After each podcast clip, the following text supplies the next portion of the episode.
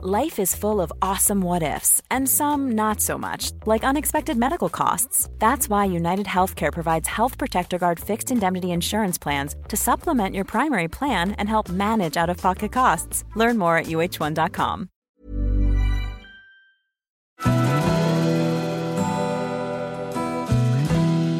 Välkommen till Stora relationsguiden. Podden där parterapeuten Anneli Östling tillsammans med sin sidekick Bella guidar dig genom allt som har med kärlek och relationer att göra. Följt av väl beprövade tips och råd.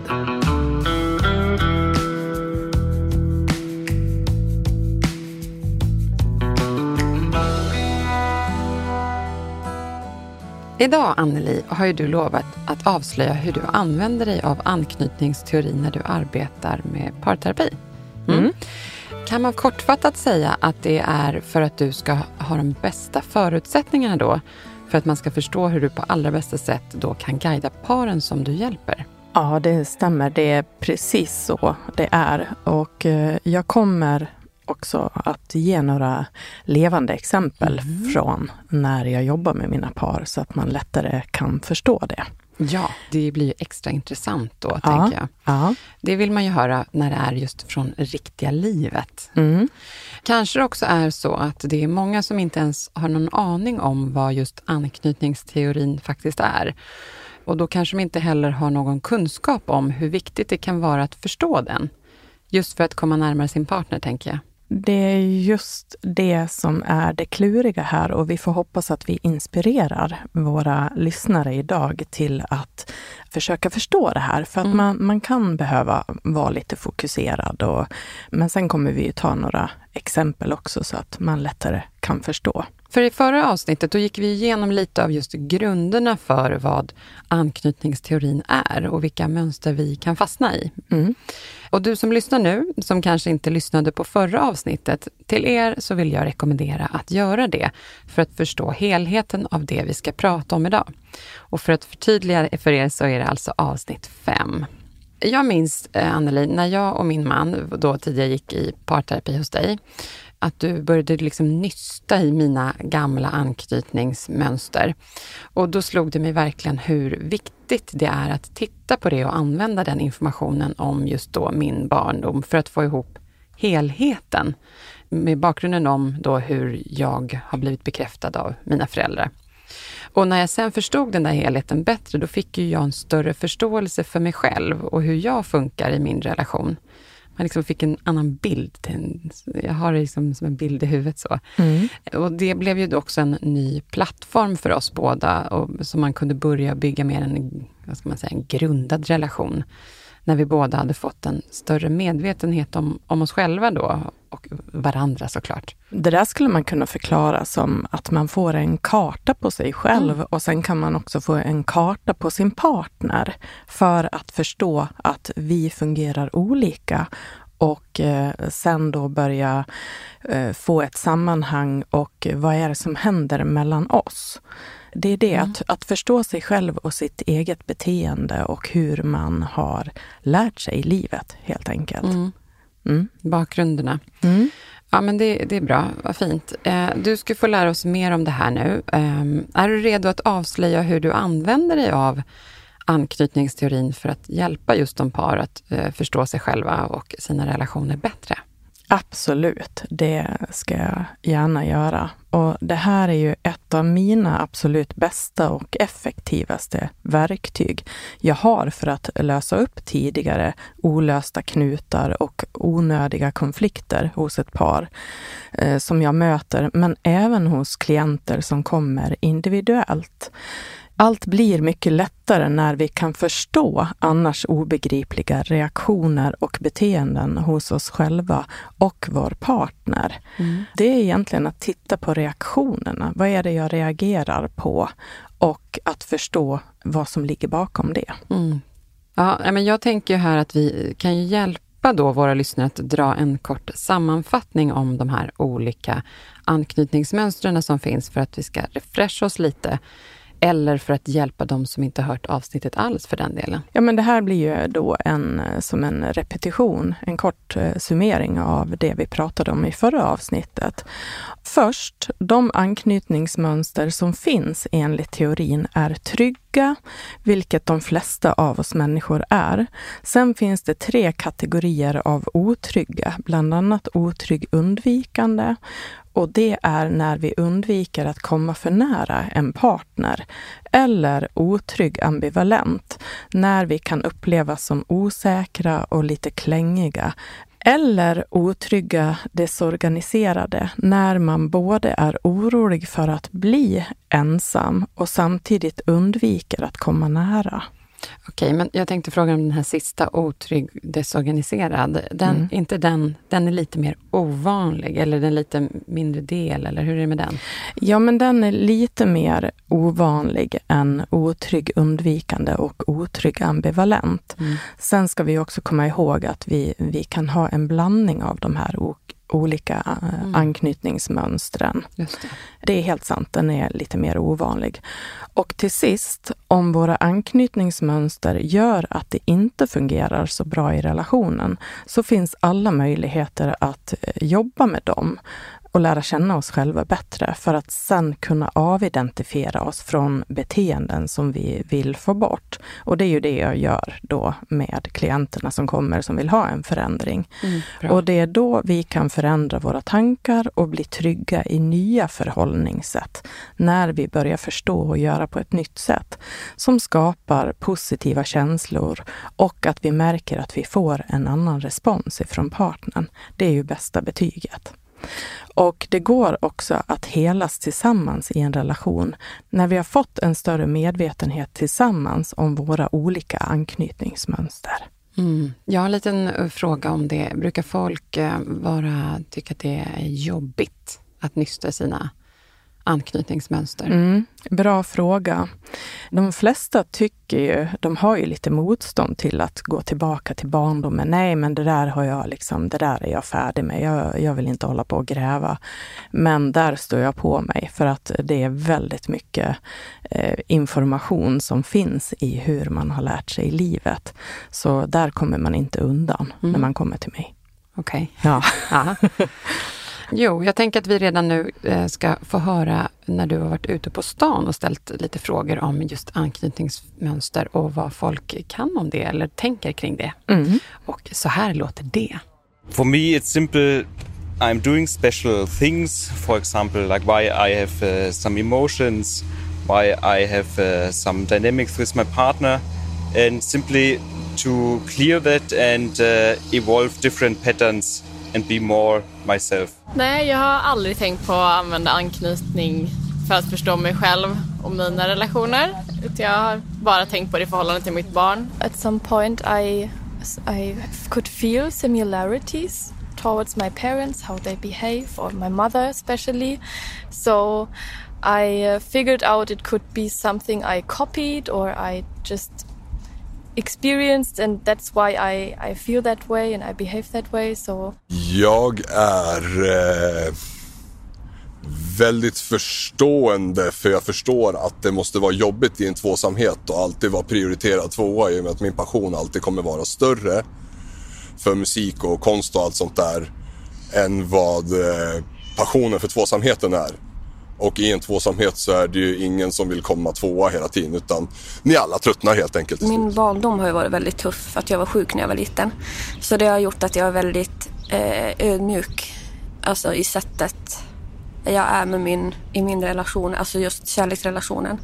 Jag förstår ju att den, den påverkar mig och främst i nära relationer så dyker det upp liksom mönster och beteenden som jag kan koppla tillbaka till. Liksom min tidiga anknytning. Då. Jag har funderat på att använda anknytning eh, för att förstå mig själv bättre men kanske inte praktiserat.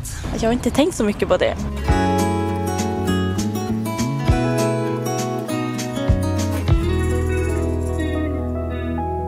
Ja, men det där var ju himla intressant att höra vad folk eh, har för tankar kring det här. Mm. Eh, ska vi fortsätta att prata om hur det brukar bli när de här personerna med olika anknytningsmönster möts? Skulle man också kunna få några riktiga exempel kanske eh, på par som du har hjälpt och vad är det då som gjort det enklare efter de har jobbat med dig? För sånt är ju extra spännande när man får höra från riktiga livet. Absolut. Det ska jag göra utan att blotta mina klienter såklart. Och jag tänker att jag börjar med att berätta om hur det blir när de här olika anknytningsmönstren träffas. Alltså personer som har olika anknytningsmönster och även lika när du träffar en partner så kommer era respektive relationsmodeller att påverka varandra. Och exakt hur det här sker beror på vem ni är och hur ni fungerar och vilken medvetenhet man har om sig själv också såklart. Men det går att urskilja vissa grova mönster. Och vissa anknytningstyper tenderar helt enkelt att dras till varandra medan andra inte fungerar lika bra ihop. Det här är ju lite generellt då. Mm. Det finns ju undantag såklart. Personer som har en trygg anknytning har ofta relativt lätt för att bygga relationer oavsett vilken anknytningstyp deras partner har. De är liksom den trygga som står fast där och hanterar det mesta? Ja, så, ja men de är, de är som en klippa och kan mm. möta det mesta, mm. fast inte extremer såklart, för då tror jag att de rygg, då ryggar de undan. Och om den som är trygg träffar någon som också är trygg, så blir resultatet ofta en stabil och långvarig relation med mycket närhet. Mm. Man har lätt för att komma nära varandra. Ja, just den här tänker jag att alla vill vara men långt ifrån de flesta är, eller? Nej, det stämmer inte riktigt. Den större massan är trygga, men man kan vara en blandning, det vill säga otrygg ibland och även om man är mest trygg mm. så kan man också vara otrygg ibland beroende på vilka människor man interagerar ja. med. Om den som är mest trygg möter någon som är otrygg undvikande eller otrygg ambivalent, så smittar den trygga partnerns syn på relationen av sig på den otrygga partnern som då har chans att själv bli tryggare.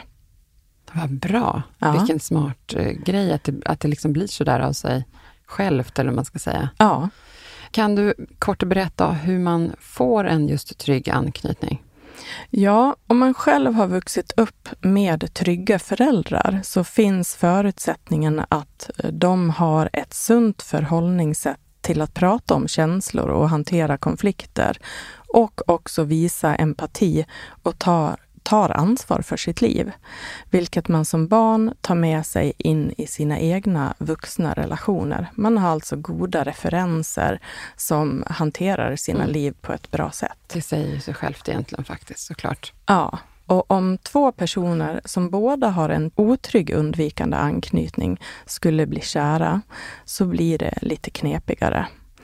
Båda tenderar då att hålla avstånd till varandra och hela relationen domineras av tankar snarare än av känslor. Alltså, man är mera mental i sitt huvud. Man vill styra? Ja, man kan vilja styra relationen mm. på ett sätt eh, mm. så att man kan känna sig trygg i den. Och det blir mera mentalt, eh, tankemässigt, än att gå på sina känslor. För man har inte vuxit upp med Nej, men som förnuft istället för känsla? Ja, precis. Och ett sådant förhållande tenderar att bli väldigt förnuftigt och risken finns att dynamiken och energin och passionen blir lidande här. Okej. Okay. Skulle du kunna förklara det här lite mer ingående, Anneli?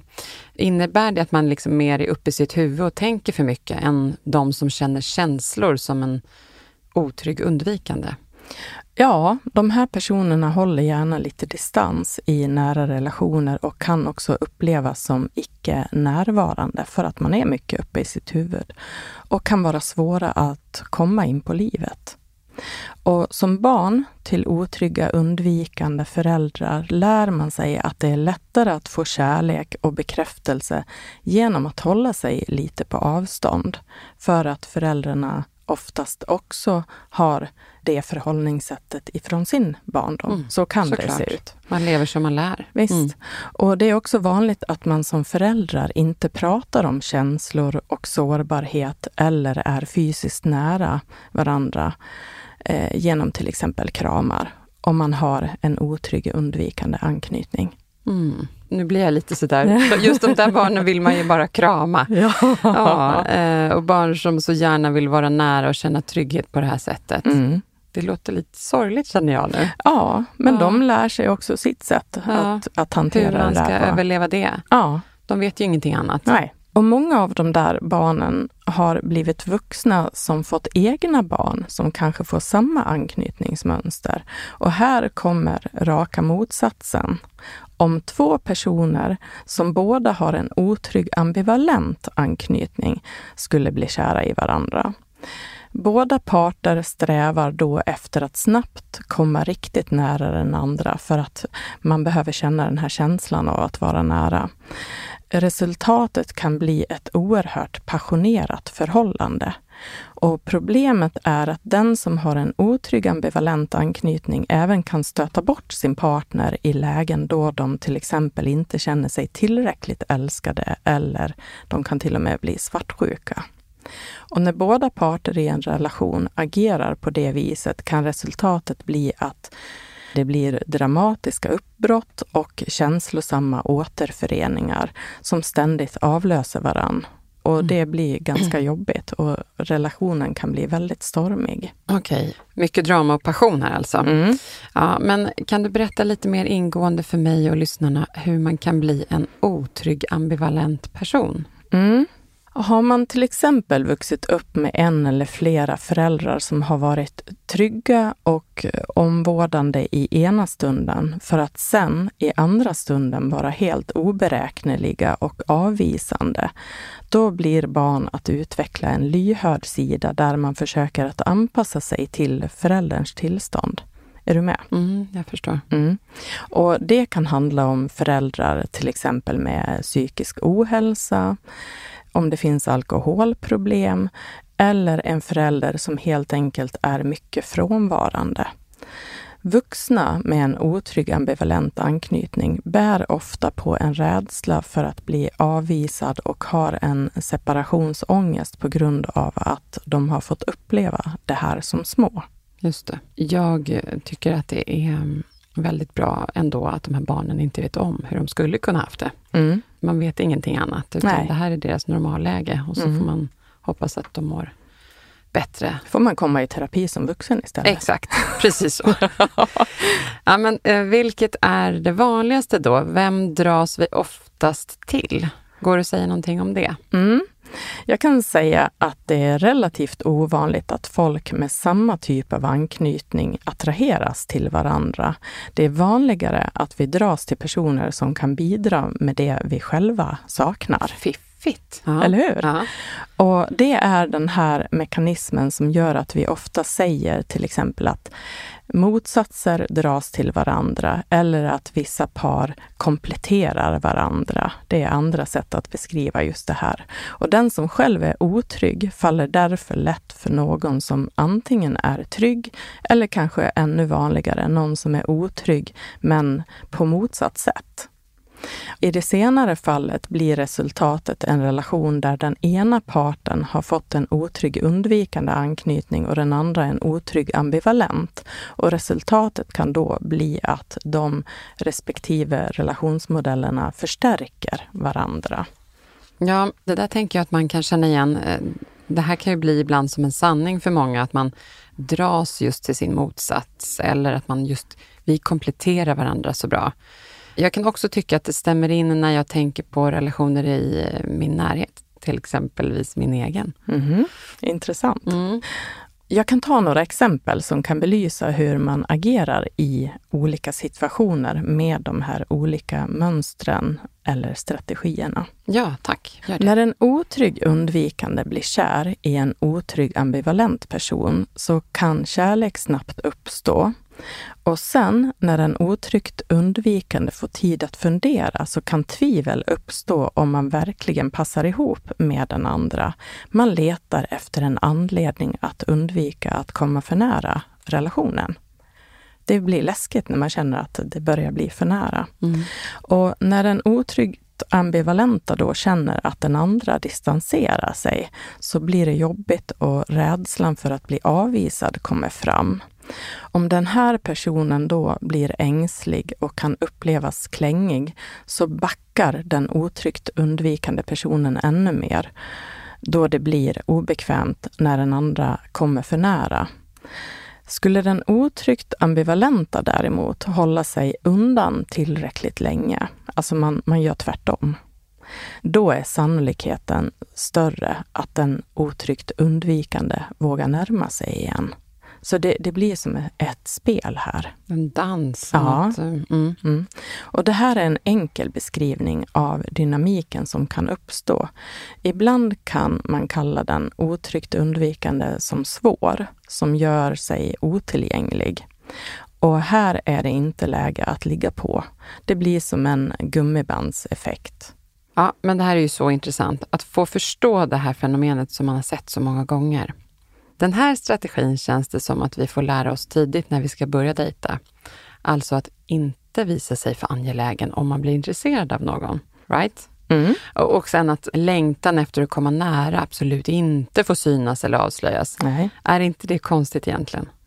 Man vill ju komma nära, det är det enda man vill. Ja, men det är jättekonstigt. Ja, och jag tänker att det borde vara mer naturligt att man visar när man är intresserad av någon än att man ska liksom verka lite likgiltig sådär. Mm. Det är det här som är så klurigt, för det är mm. också lite psykologi i det här. Och mm. när man förstår mönstren, anknytningsmönstren bakom, så kan man ju förstå att ibland behöver man liksom hålla sig lite på avstånd och inte visa för mycket. Så när man har hajat här, då behöver man inte vara orolig. Om man kan det här och dejtar en sån person, då säger ah, men det där är bara en otryggt undvikande person. Ja, det här har ja. ingenting med mig att göra. Man får bli bra skicklig på det här om man ska stå i baren efter ja, två glas vin. Jag, jag känner liksom, när jag börjat lära mig det här, jag måste nästan liksom göra lite mindmap här för att jag ska se hela sammanhanget. ja, och det känns som att vi uppmanas att bli självständiga personer som inte ska behöva eller vara beroende av någon annan, medan det kanske är det vi längtar efter mest. Alltså när man längtar efter en relation, att få komma nära någon, mm. att få känna den här tryggheten. Men, men vi lär oss ju nu att vi ska vara självständiga och mm. det är ju bra på ett sätt. Då. Men som en klok person skrev, Själva förutsättningen för att bli den självständiga personen är att vi också ska klara av att skapa den närhet som vi ändå behöver för att må bra. Mm. Det kan bli lite motsägelsefullt såklart. Och när man blir lite äldre är det många som säger att jag orkar inte med att spela något spel. Mm, nej, och nej. när jag träffar en person vill jag kunna visa vad jag tycker om någon, annars får det vara. Känner du igen det? Absolut. Det här har jag flera vänner som säger, nej men nu, jag orkar inte hålla på med något spel. Jag är den jag är och så om jag vill ses fem gånger på den här veckan, då kommer jag säga det. Ja. Och sen vet man inte om det var bra eller dåligt. I och för sig. Nej. jag tror nog att de flesta kanske också önskar och har det sådär, men så ändå påverkas vi eller vi kanske inte kommer undan bilden av, av att vi, vi behöver ingen annan och sådär. Och att man ska ju vara självständig. Det är något positivt att jag behöver, vill inte klänga mig på någon. Mm. För att det kan till och med ses som en svaghet säkert. Mm. Och jag tror att det är livsnödvändigt för oss att få känna närhet och få ha behov av någon annan. Mm. Det är ju en sak att man inte ska sätta sig i en beroendeställning till någon annan. Mm. Då är man ju inte sunt självständig, utan Nej. man ska vilja vara nära för att det är härligt. Liksom. Och sen ska vi också påminna om att det är ju väldigt många par som har träffats utan att, att kunna det här. Ja, det, jag undrar om det är många som har den här checken innan. Nu kan vi bara prata om våra anknytningsmönster här innan vi bestämmer om det. Ja, ja mm. precis. Och någonting som är ganska lätt att identifiera ändå om man vill bli lite lyhörd för det här, är om vi är tanke eller känslostyrda. Vår anknytningstyp bestämmer i vilken mån vi styrs av tankar eller känslor. Så det kan ju vara en liten kompass. Okej. Okay. Ja, men jag tänker med tanke på att det är så mycket att ta in och lära här mm. och för att förstå hur man kan använda sig av anknytningsteorin så är det ju, då är det bra med tips på just enkla sätt att förstå vilket mönster man har. Ja, och är man tankestyrd så kan man med stor sannolikhet vara otrygg undvikande alltså. Mm. Och man lär sig tidigt i livet att det inte fungerar så bra att avslöja sina känslomässiga behov för sina föräldrar för att slippa bli avvisad av eh, just föräldrarna då. Och då behöver man lägga bort sina känslor och tänka fram vad man istället behöver göra för att tillfredsställa föräldrarnas behov och göra dem glada för att få mesta möjliga kärlek. Och det kan exempelvis vara att vara duktig, att vara just självständig eller inte vara till besvär. Man lär sig att bli rationell och kanske resultatinriktad undrar man vad man hade blivit för någon om man inte hade behövt det där. Att liksom inte få visa sitt rätta jag tycker att det egentligen blir tokigt att det ska behöva vara så, men, mm. men det är väl supervanligt. Mm. Jag tycker också det låter lite hemskt när man hör det sådär, att barnen ska tillfredsställa liksom föräldrarnas behov. Det gör vi, vi ja. barn, höll ja. jag på att säga. Ja, men det, är, det funkar ju så. ja, men, barnen gör ju allt för att uh, göra tjäna. föräldrarna glada eller att uh, de ska tycka att man är duktig. Mm. Och är man däremot en känslostyrd person så kan det vara så att man har mönster av otrygg ambivalent personlighet. Mm. Man får uppleva och lära sig att föräldrarna kan vara oberäkneliga och nyckfulla. Enda sättet att få uppmärksamhet på är att visa starka känslor eller att läsa in föräldrarnas känslor och anpassa sig till dem. Man utvecklas till att bli känslostyrd, vilket följer med den in i vuxenlivet. Och det blir tryggast att låta känslorna få styra då. Det kan till och med vara svårt att, att släppa den kompassen. Alltså har man lärt sig att vara känslostyrd så kan man ha svårt för att få kontakt med sin logiska eller rationella sida eller helt enkelt sunt förnuft. Mm. Ja, det låter inte heller helt sunt känner jag, eh, men man ska ju verkligen komma ihåg att det här är ju olika bakgrunder som är mycket svar på varför man sen agerar och blir som man blir.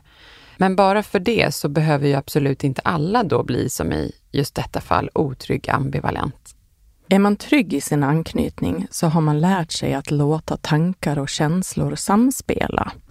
Eh, det innebär att man kan använda sig av både tankar och känslor vid olika beslut, vilket kan upplevas som en trygghet och en struktur som fungerar rent praktiskt i livet. Man tar hjälp av mm. både magkänsla och eh, sunt förnuft och logik. Okej, okay, eh, men det är det jag tänker att de flesta faktiskt vill vara. Och om man inte fått det så kan man ju jobba vidare på det och ge det vidare till sina barn i alla fall.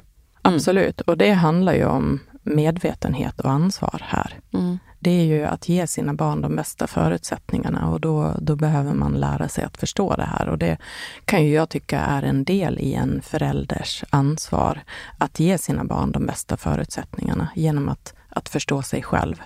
Vissa mm. kommer aldrig i kontakt med anknytningsteorin och då kan det vara svårt att ha den här medvetenheten. Då gör man oftast som man en gång har lärt sig ifrån sina föräldrar eller vårdnadshavare eller andra eh, vuxna runt omkring. Ja, mm. precis. Mm. Och jag tänkte beskriva några mönster som jag brukar möta när jag arbetar på min mottagning ja. med par. Ja, vad spännande. Berätta. Och, och det här kommer ju inte då vara blottläggande av någon, utan det här Nej. är lite generellt. Nej, såklart. Det är ja. viktigt att vi poängterar det här. Ja. En person som har försökt få sitt känslomässiga behov tillfredsställt, men har en mamma som till exempel har större behov som alltid är viktigare. Det här resulterar i att personen alltid är på sin vakt för att få sina behov tillfredsställda som vuxen. Det man inte fick som barn alltså, men det som slutar ofta med besvikelse då personen i fråga nästan väntar på att partnern ska misslyckas för att man är så van med att inte få det här som barn. Man är liksom förprogrammerad på att eh, jag kommer inte få det den här gången heller. Och det kan bli så uppenbart att partnern som försöker göra rätt skräms bort redan innan den har fått en, en chans mm. att lyckas. Men är det här då alltså en otrygg ambivalent person? Hur kan du i så fall hjälpa det här paret framåt? Det är stor sannolikhet att det här är en otrygg, ambivalent person. Först behöver partnern få förstå hur stor längtan som finns hos den andra för att få sina behov tillfredsställda. Och det handlar ju om den här medvetenheten då, att förstå varandra. Och hur svårt det kan vara för partnern att våga vänta och lita på att det faktiskt ska hända. Förklaring till varför partnern redan har taggarna ut är en rädsla för att man inte ska få det den här gången heller.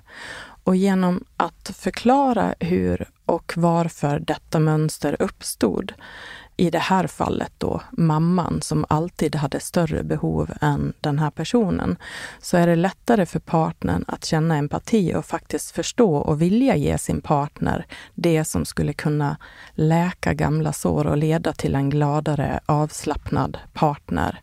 Blev det begripligt? Ja, absolut. Vad fint när man har kommit dit att man genom att ha bakgrunden med sig om sin partner då också kan hjälpa till att bygga det som man har saknat i sitt liv. Det måste vara så fint att kunna göra det. Mm. Ja, men jag som parterapeut då ser ju att det finns en sån bonuseffekt av att vara i en ansvarsfull relation där man kan läkas av varandra, där man kan hela varandra mm. med hjälp av sin partner känns också lite klassiskt att här, man måste kunna älska sig själv innan man kan älska någon annan. Mm. Men här låter det ändå lite mer som att vi kan hjälpa varandra att eh, bygga varandra och därmed också vår relation som en följd av det. Mm. Kan man se det så? Absolut. Mm. Det där låter fantastiskt. Jag, jag hoppas bara att lyssnarna hängde med. Man behöver inte vara perfekt från början, utan det här kan man hjälpas åt med om man har tillräckligt mycket vilja att vilja förstå den andra. Ja, och ja. tillägg där, ingen är väl perfekt? Nej, nej. Men nu går jag till nästa. När jag möter ett par där den ena har vuxit upp med att endast få bekräftelse genom sina prestationer, så kan den här personen ha svårt för att vara närvarande och kan upplevas självupptagen där jobb och praktiska resultat blir det viktigaste. Det är väldigt vanligt, mm. tänker jag.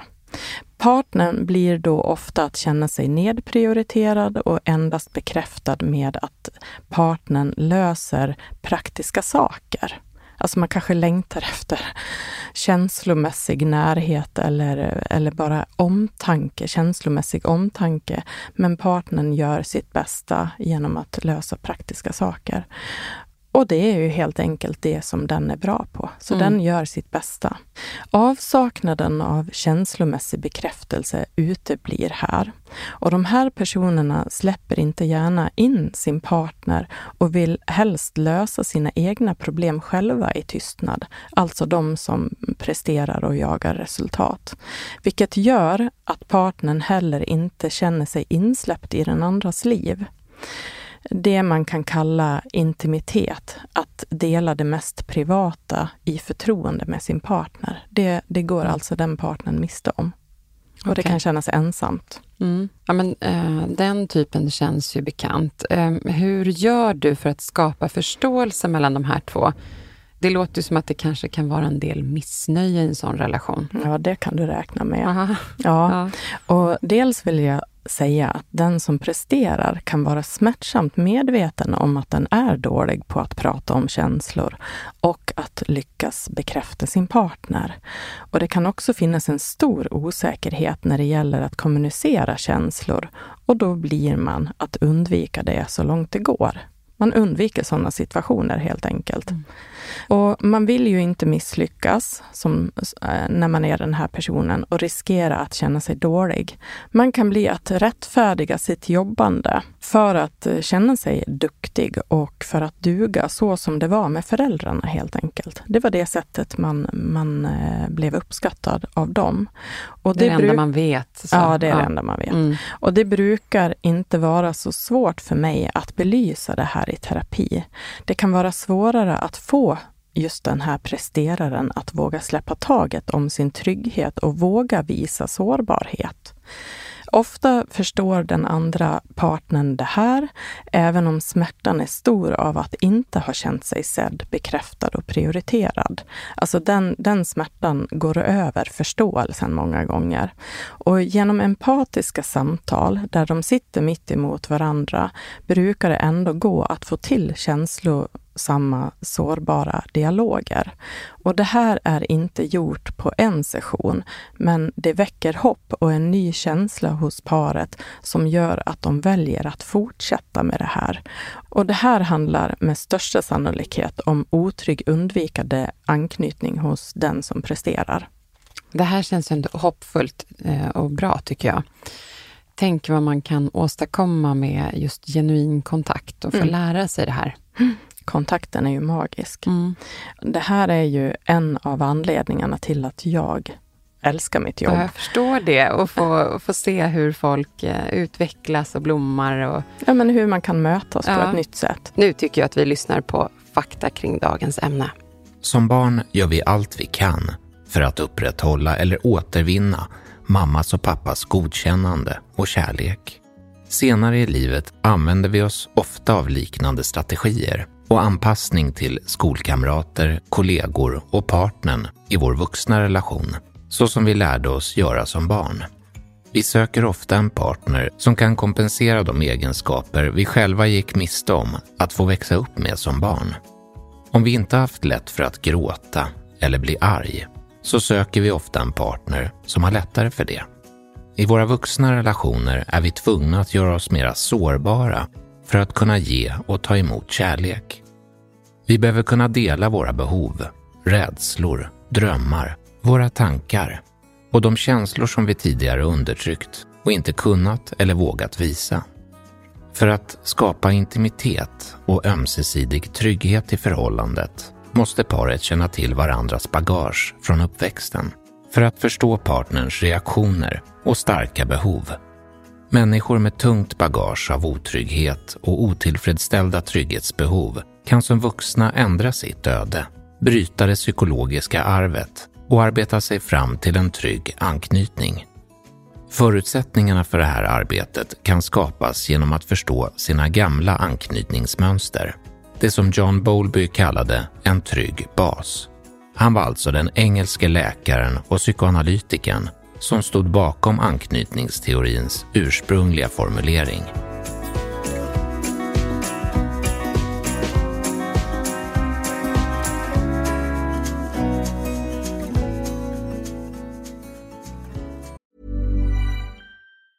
Ever catch yourself eating the same flavorless dinner three days in a row?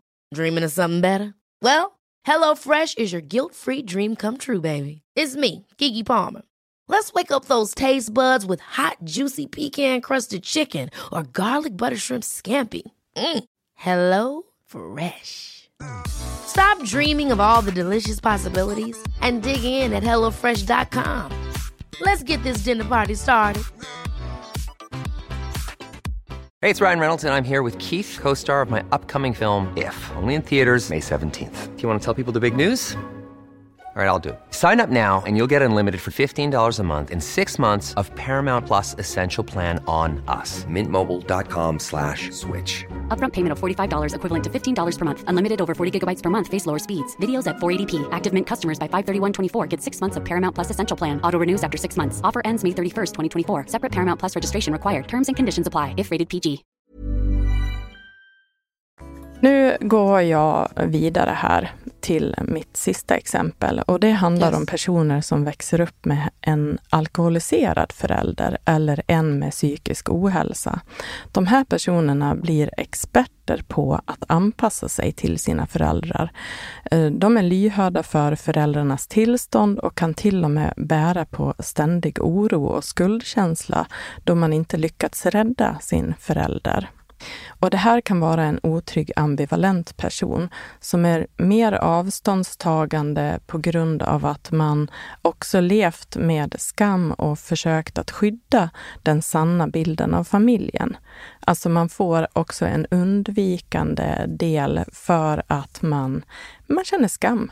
Man låtsas som att det inte är så illa som det ja, är. Precis. Det, det, det, är så bra. Mm. Och den här personen kan upplevas som en person som sålt smöret och tappat pengarna som inte vill berätta det för någon. Förstår du känslan? Alltså När du säger evig... den här gamla frasen så kan du formulera den på ett annat sätt? Då? Ja, men en evig sorg och längtan efter att någon gång få bli prioriterad, uppskattad och omhändertagen mm. själv.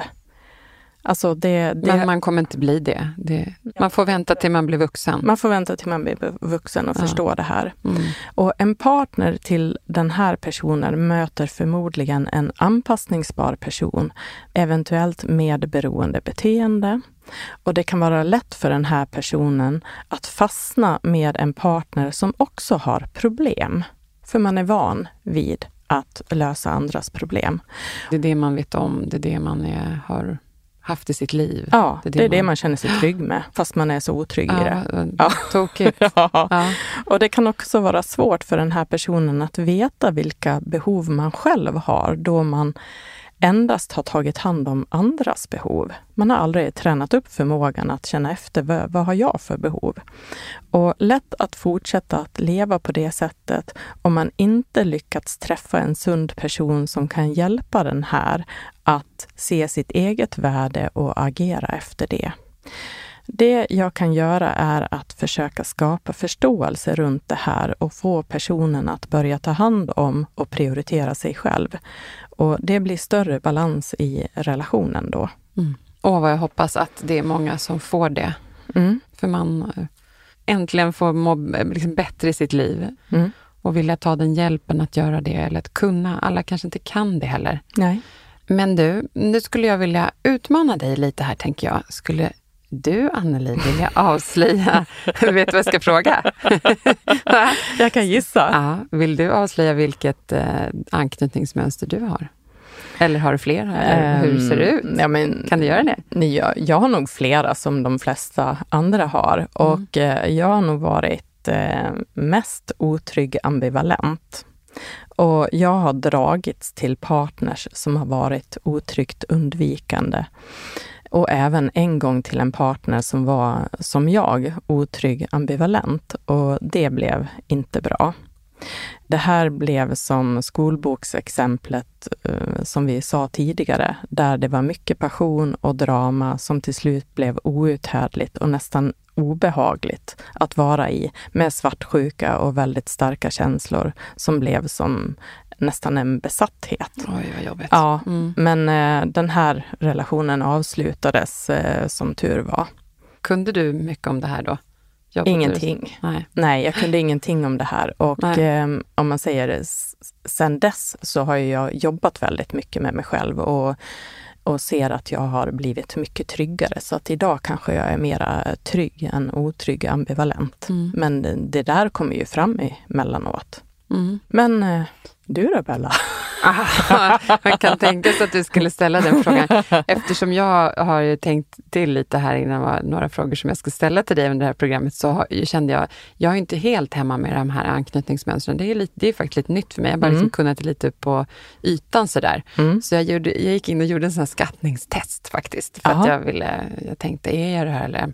Ja, och, de kan man ju hitta på nätet kan ja, vi säga. De kan man hitta på nätet, ja. det kan vi säga. Det mm. går att googla sig till. Mm. Jo, men eh, jag är ju mest då otrygg ambivalent. Det verkar som det i alla fall. Mm. Det är det som har stämt bäst in på mig när jag gjorde det. Mm. Men några delar då har varit jättetydligt och sen så var det något som inte alls var det. Och då tänker jag att eh, jag tror nog att jag har en liten släng av trygg anknytning också. Eller så kanske det är mer en eh, önsketanke. ja. Nej, det är Men, nog troligt, tror jag. Ja. För du har ju gjort en del arbete med dig själv. Precis, jag har gjort en del arbete. Att jag inte hade det innan det, menar du? Du har blivit äldre och klokare och förnuftigare och fått större medvetenhet. En av de bättre sakerna med att bli äldre. Alltså. Ja, ja, det ja. Mm. så det har nog gjort sitt till. Någonting som är spännande är att de här anknytningsmönstren också eh, kan bli att visa sig i hur vi har sex med våran partner. Mm. Det är lite okay. juicy. Det är lite juicy. Berätta mer. Vet du, det här är ett helt avsnitt. Så att jag mm. tror att vi får suga på den karamellen och, och vänta på det. Okay. Eh, men det, det finns... Riktigt cliffhanger här. Ja, det finns tydliga eh, exempel på hur vi faktiskt har sex utifrån eh, vilken anknytning vi har fått som Mm. barn.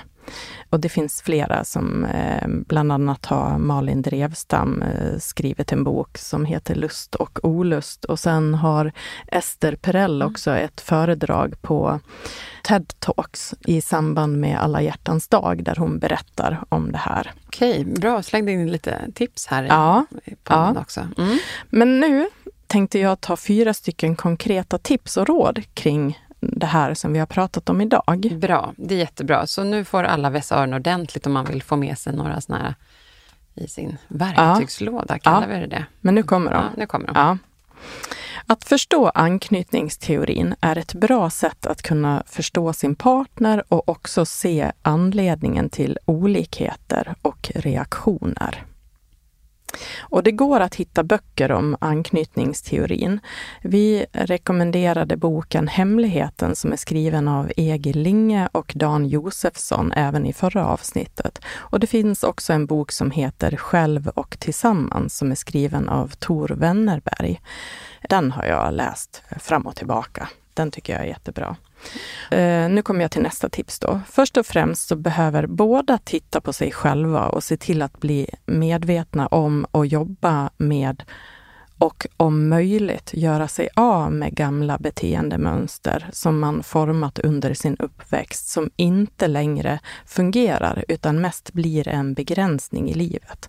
Alltså eh, i och med våra, våra anknytningsmönster så hittar vi överlevnadsstrategier där vi antingen anpassar oss eller eh, undviker. Om man får koll på det så kan man börja liksom gå mot det man vill vara Mm. och så som man vill känna sig och så som man vill uppfattas. Och ni behöver ta ansvar för er själva. Ta reda på vem du vill vara, hur du vill känna dig och hur du vill uppfattas. Då kan du skapa din egen identitet och jobba med att bli just den du vill vara. Främst i dig själv, men också i din relation.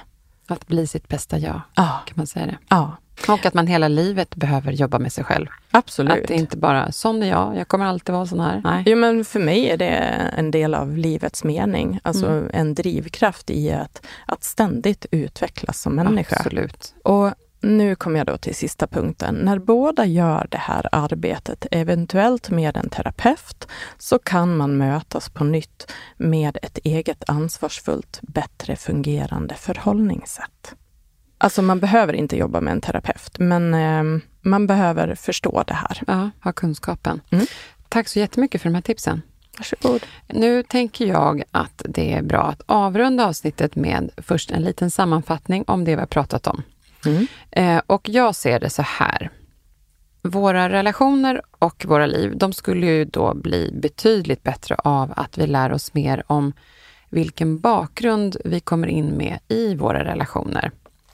Bakgrunden, eller kanske mer konkret hur vi växte upp, är det som lägger grund till just vår anknytning och som berättar för oss hur vi ska göra för att känna oss trygga i en nära relation.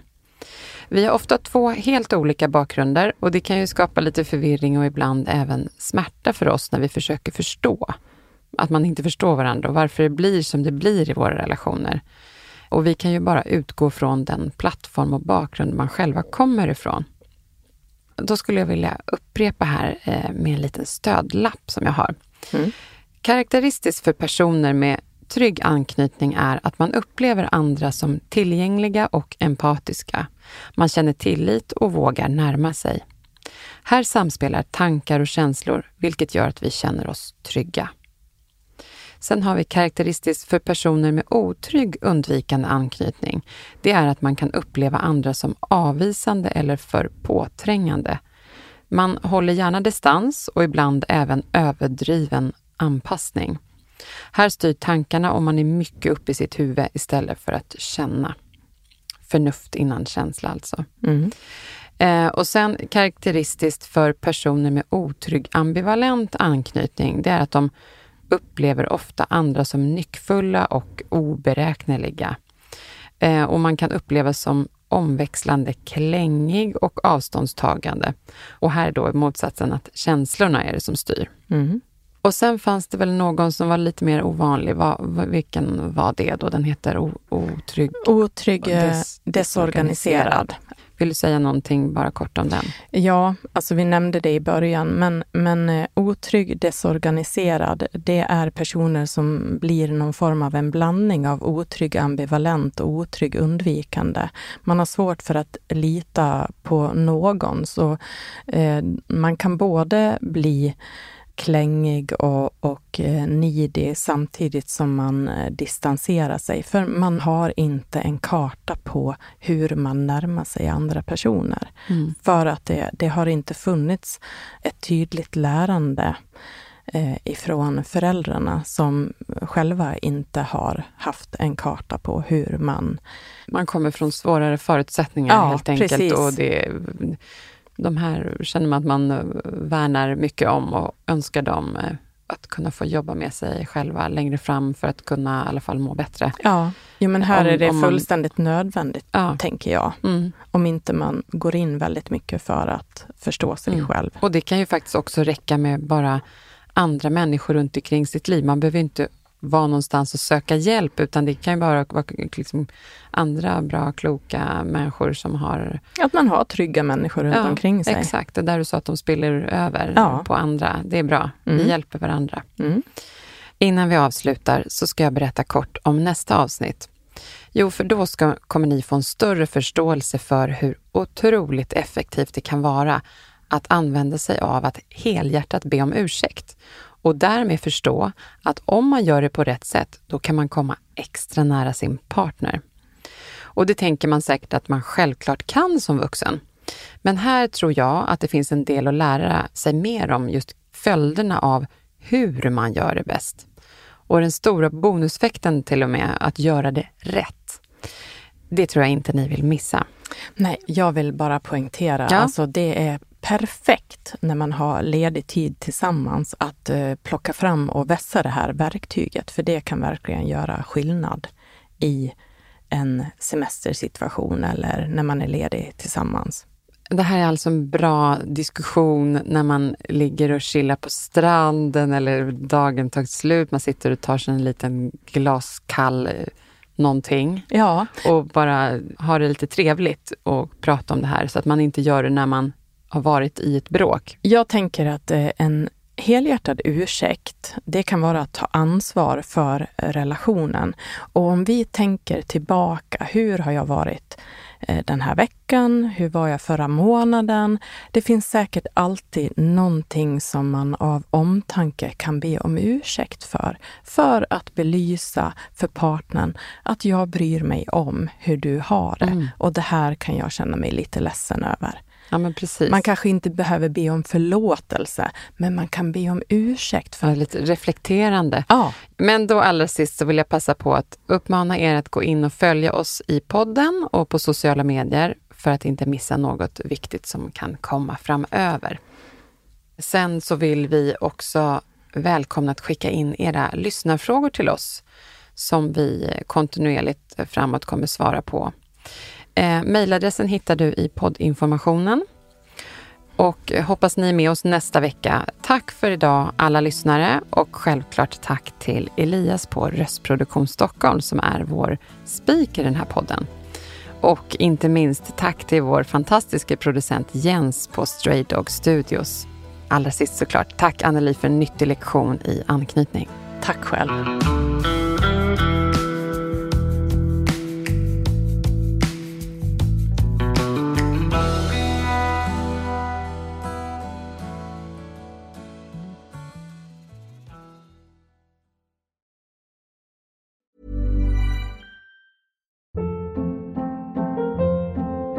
Hold up. What was that? Boring. No flavor. That was as bad as those leftovers you ate all week. Kiki Palmer here, and it's time to say hello to something fresh and guilt-free. Hello Fresh. Jazz up dinner with pecan-crusted chicken or garlic butter shrimp scampi. Now that's music to my mouth. Hello Fresh. Let's get this dinner party started. Discover all the delicious possibilities at hellofresh.com. Even when we're on a budget, we still deserve nice things. Quince is a place to scoop up stunning high end goods for 50 to 80% less than similar brands. They have buttery soft cashmere sweaters starting at $50, luxurious Italian leather bags, and so much more. Plus, Quince only works with factories that use safe, ethical, and responsible manufacturing. Get the high-end goods you'll love without the high price tag with Quince. Go to quince.com/style for free shipping and 365-day returns.